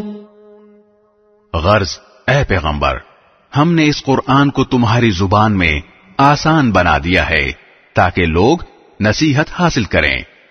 فارتقب إنهم مرتقبون۔ اب تم بھی انتظار کرو یہ لوگ بھی انتظار کر رہے ہیں۔ بسم اللہ الرحمن الرحیم۔ شروع اللہ کے نام سے جو سب پر مہربان ہے بہت مہربان ہے۔ حامیم حامیم تنزيل الكتاب من الله العزيز الحكيم یہ کتاب اللہ کی طرف سے اتاری جا رہی ہے جو بڑا صاحب اقتدار۔ بڑا صاحب حکمت ہے۔ ان في السماوات والارض لآيات للمؤمنين۔ حقیقت یہ ہے کہ آسمانوں اور زمین میں ماننے والوں کے لیے بہت سی نشانیاں ہیں۔ وفي خلقكم وما يبث من دابة آیات لقوم یوقنون اور خود تمہاری پیدائش میں اور ان جانوروں میں جو اس نے زمین میں پھیلا رکھے ہیں، ان لوگوں کے لیے بڑی نشانیاں ہیں جو یقین کریں۔ واختلاف الليل والنهار وما أنزل الله من السماء من رزق فأحيا به الأرض بعد موتها وتصريف الرياح آيات لقوم يعقلون. نیس رات اور دن کے آنے جانے میں۔ اور اللہ نے آسمان سے رزق کا جو ذریعہ اتارا، پھر اس سے زمین کو اس کے مردہ ہو جانے کے بعد نئی زندگی دی۔ اس میں اور ہواؤں کی گردش میں ان لوگوں کے لیے بڑی نشانیاں ہیں جو عقل سے کام لیں۔ تلك آيات الله نتلوها عليك بالحق۔ فبأي حديث بعد الله وآياته يؤمنون یہ اللہ کی آیتیں ہیں جو ہم تمہیں ٹھیک ٹھیک پڑھ کر سنا رہے ہیں۔ اب اللہ اور اس کی آیتوں کے بعد کون سی بات ہے جس پر یہ لوگ ایمان لائیں گے؟ ويل لكل أفاك أثيم برا ہو ہر اس جھوٹے گنہگار کا۔ يسمع آيات الله تتلى عليه ثم يصر مستكبرا كأن لم يسمعها فبشره بعذاب أليم جو اللہ کی آیتیں سنتا ہے جبکہ وہ اسے پڑھ کر سنائی جا رہی ہوتی ہیں پھر بھی وہ تکبر کے عالم میں اس طرح کفر پر اڑا رہتا ہے جیسے اس نے وہ آیتیں سنی ہی نہیں۔ لہذا ایسے شخص کو دردناک عذاب کی خوشخبری سنا دو۔ وَإِذَا عَلِمَ مِنْ آيَاتِنَا شَيْئًا اتَّخَذَهَا هُزُوًا أُولَئِكَ لَهُمْ عَذَابٌ مُهِينٌ۔ اور جب ہماری آیتوں میں سے کوئی آیت ایسے شخص کے علم میں آتی ہے تو وہ اس کا مذاق بناتا ہے۔ ایسے لوگوں کو وہ عذاب ہوگا جو ذلیل کر کے رکھ دے گا۔ من ورائهم جهنم ولا يغني عنهم ما كسبوا شيئا ولا ما اتخذوا من دون الله اولياء ولهم عذاب عظيم۔ ان کے آگے جہنم ہے اور جو کچھ انہوں نے کمایا ہے نہ وہ ان کے کچھ کام آئے گا اور نہ وہ کام آئیں گے جن کو انہوں نے اللہ کے بجائے اپنا رکھوالا بنا رکھا ہے۔ اور ان کے حصے میں ایک زبردست عذاب آئے گا۔ هذا هدى والذين كفروا بآيات ربهم لهم عذاب من رجز أليم یہ قرآن سراپا ہدایت ہے اور جن لوگوں نے اپنے پروردگار کی آیتوں کا انکار کیا ہے، ان کے لیے بلا کا دردناک عذاب ہے۔ الله الذي سخر لكم البحر لتجري الفلك فيه بأمره ولتبتغوا ولتبتغوا من فضله ولعلكم تشكرون اللہ وہ ہے جس نے سمندر کو تمہارے کام میں لگا دیا ہے تاکہ اس کے حکم سے اس میں کشتیاں چلیں اور تاکہ تم اس کا فضل تلاش کرو۔ اور تاکہ تم شکر ادا کرو۔ وسخر لكم ما في السماوات وما في الأرض جميعا منه إن في ذلك لآيات لقوم يتفكرون۔ اور آسمانوں اور زمین میں جو کچھ ہے اس سب کو اس نے اپنی طرف سے تمہارے کام میں لگا رکھا ہے۔ یقیناً اس میں ان لوگوں کے لیے بڑی نشانیاں ہیں جو غور و فکر سے کام لیں۔ قل للذين آمنوا يغفروا للذين لا يرجون أيام الله ليجزي قوما بما كانوا يكسبون۔ اے پیغمبر جو لوگ ایمان لے آئے ہیں ان سے کہو کہ جو لوگ اللہ کے دنوں کا اندیشہ نہیں رکھتے ان سے درگزر کریں تاکہ اللہ لوگوں کو ان کاموں کا بدلہ دے جو وہ کیا کرتے تھے۔ من عمل صالحا فلنفسه ومن أساء فعليها ثم إلى ربكم ترجعون۔ جو شخص بھی نیک کام کرتا ہے وہ اپنے ہی فائدے کے لیے کرتا ہے، اور جو برا کام کرتا ہے، وہ اپنا ہی نقصان کرتا ہے۔ پھر تم سب کو اپنے پروردگار ہی کے پاس واپس لایا جائے گا۔ وَلَقَدْ آتَيْنَا بَنِي إِسْرَائِيلَ الْكِتَابَ وَالْحُكْمَ وَالنُّبُوَّةَ وَرَزَقْنَاهُم مِّنَ الطَّيِّبَاتِ ورزقناهم من الطيبات وفضلناهم على العالمين. اور ہم نے بنو اسرائیل کو کتاب اور حکومت اور نبوت عطا کی تھی اور انہیں پاکیزہ چیزوں کا رزق دیا تھا اور انہیں دنیا جہان کے لوگوں پر فوقیت بخشی تھی۔ وَآتَيْنَاهُمْ بَيِّنَاتٍ مِّنَ الْأَمْرِ فَمَا اخْتَلَفُوا إِلَّا مِن بَعْدِ مَا جَاءَهُمُ الْعِلْمُ بَغْيًا بَيْنَهُمْ. إن ربك يقضي بينهم يوم القيامة فيما كانوا فيه يختلفون. اور انہیں کھلے کھلے احکام دیے تھے۔ اس کے بعد ان میں جو اختلاف پیدا ہوا، وہ ان کے پاس علم آ جانے کے بعد ہی ہوا۔ صرف اس لیے کہ ان کو ایک دوسرے سے زد ہو گئی تھی۔ یقیناً تمہارا پروردگار ان کے درمیان قیامت کے دن ان باتوں کا فیصلہ کر دے گا جن میں وہ اختلاف کیا کرتے تھے۔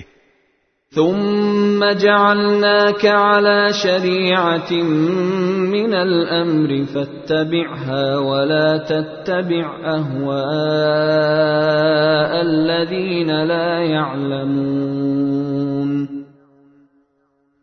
پھر اے پیغمبر، ہم نے تمہیں دین کی ایک خاص شریعت پر رکھا ہے، لہذا تم اسی کی پیروی کرو اور ان لوگوں کے خواہشات کے پیچھے نہ چلنا جو حقیقت کا علم نہیں رکھتے۔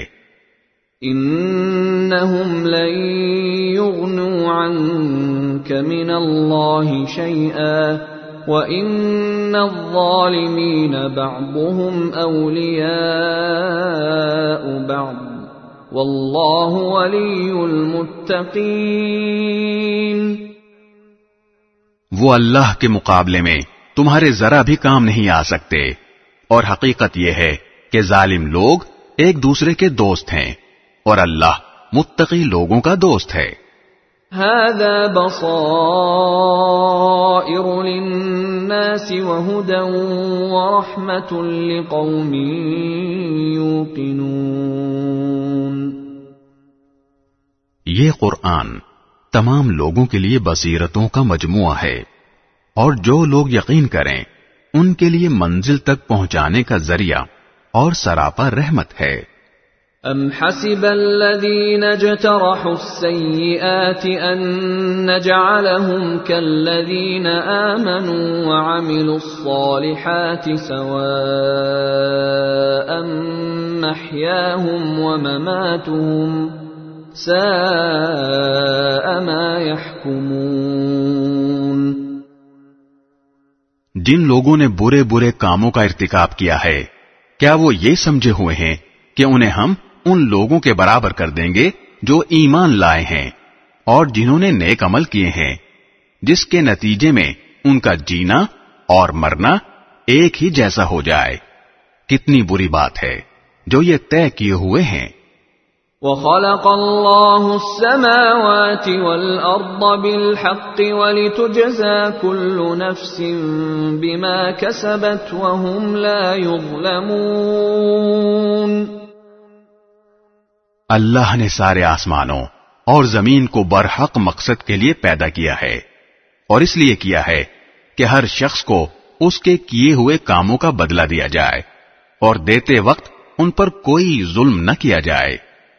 أفرأيت من اتخذ إلهه هواه وأضله الله على علم وختم على سمعه وقلبه وختم على سمعه وقلبه وجعل على بصره غشاوة فمن يهديه من بعد الله افلا تذکرون پھر کیا تم نے اسے بھی دیکھا جس نے اپنا خدا اپنی نفسانی خواہش کو بنا لیا ہے اور علم کے باوجود اللہ نے اسے گمراہی میں ڈال دیا اور اس کے کان اور دل پر مہر لگا دی اور اس کی آنکھ پر پردہ ڈال دیا۔ اب اللہ کے بعد کون ہے جو اسے راستے پر لائے؟ کیا پھر بھی تم لوگ سبق نہیں لیتے؟ وقالوا ما هي إلا حياتنا الدنيا نموت ونحيا وما يهلكنا إلا الدهر وما لهم بذلك من علم إن هم إلا يظنون. اور یہ لوگ کہتے ہیں کہ جو کچھ زندگی ہے بس یہی ہماری دنیاوی زندگی ہے۔ اسی میں ہم مرتے اور جیتے ہیں، اور ہمیں کوئی اور نہیں، زمانہ ہی ہلا کر دیتا ہے۔ حالانکہ اس بات کا انہیں کچھ بھی علم نہیں ہے، بس وہمی اندازے لگاتے ہیں۔ وَإِذَا تُتْلَى عَلَيْهِمْ آيَاتُنَا بَيِّنَاتٍ مَا كَانَ حُجَّتَهُمْ إِلَّا ما كان حجتهم إلا أن قالوا ائتوا بآبائنا إن كنتم صادقين۔ اور جب ہماری آیتیں پوری وضاحت کے ساتھ ان کو پڑھ کر سنائی جاتی ہیں، تو یہ کہنے کے سوا ان کی کوئی دلیل نہیں ہوتی کہ اگر تم سچے ہو تو ہمارے باپ دادوں کو زندہ کر کے لے آؤ۔ قل اللہ يحييكم ثم يميتكم ثم يجمعكم الى يوم القيامة لا ريب فيه ولكن اكثر الناس لا يعلمون۔ کہہ دو کہ اللہ ہی تمہیں زندگی دیتا ہے پھر وہ تمہیں موت دے گا۔ پھر تم سب کو قیامت کے دن جمع کرے گا جس میں کسی قسم کا کوئی شک نہیں ہے لیکن اکثر لوگ سمجھتے نہیں ہیں۔ وَلِلَّهِ مُلْكُ السَّمَاوَاتِ وَالْأَرْضِ وَيَوْمَ تَقُومُ السَّاعَةُ يَوْمَئِذٍ يَخْسَرُ الْمُبْطِلُونَ۔ اور آسمانوں اور زمین کی سلطنت اللہ ہی کی ہے۔ اور جس دن قیامت آ کھڑی ہوگی اس دن جو لوگ باطل پر ہیں وہ سخت نقصان اٹھائیں گے۔ وَتَرَى كُلَّ أُمَّةٍ جَاثِيَةٍ كُلُّ أُمَّةٍ تُدْعَى إِلَى كِتَابِهَا الْيَوْمَ تُجْزَوْنَ مَا كُنْتُمْ تَعْمَلُونَ۔ اور تم ہر گروہ کو دیکھو گے۔ کہ وہ گھٹنوں کے بل گرا ہوا ہے۔ ہر گروہ کو اس کے اعمال نامے کی طرف بلایا جائے گا اور کہا جائے گا کہ آج تمہیں ان اعمال کا بدلہ دیا جائے گا جو تم کیا کرتے تھے۔ هذا كتابنا ينطق عليكم بالحق۔ نستنسخ ما كنتم تعملون۔ یہ ہمارا لکھوایا ہوا دفتر ہے جو تمہارے بارے میں ٹھیک ٹھیک بول رہا ہے۔ تم جو کچھ کرتے تھے ہم اس سب کو لکھوا لیا کرتے تھے۔ فَأَمَّا الَّذِينَ آمَنُوا وَعَمِلُوا الصَّالِحَاتِ فَيُدْخِلُهُمْ رَبُّهُمْ فِي رَحْمَتِهِ ذَلِكَ هُوَ الْفَوْزُ الْمُبِينَ۔ چنانچہ جو لوگ ایمان لائے ہیں اور انہوں نے نیک عمل کیے ہیں۔ ان کو تو ان کا پروردگار اپنی رحمت میں داخل کرے گا۔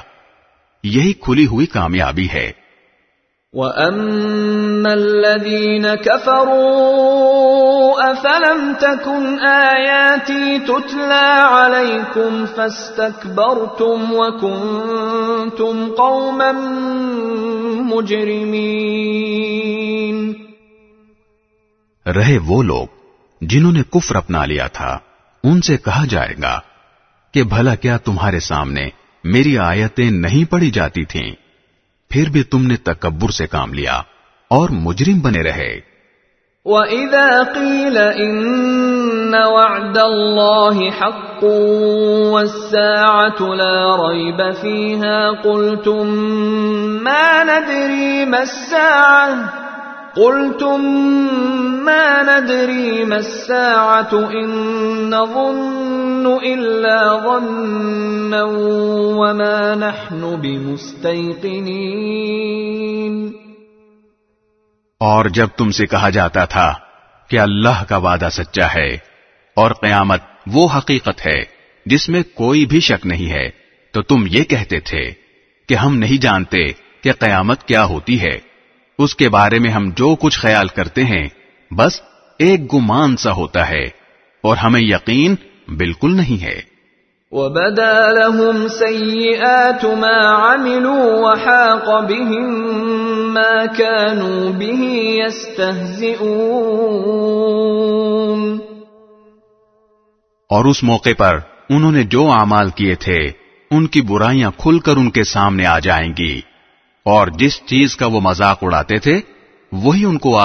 گھیرے گی وقيل اليوم ننساكم كما نسيتم لقاء يومكم هذا ومأواكم النار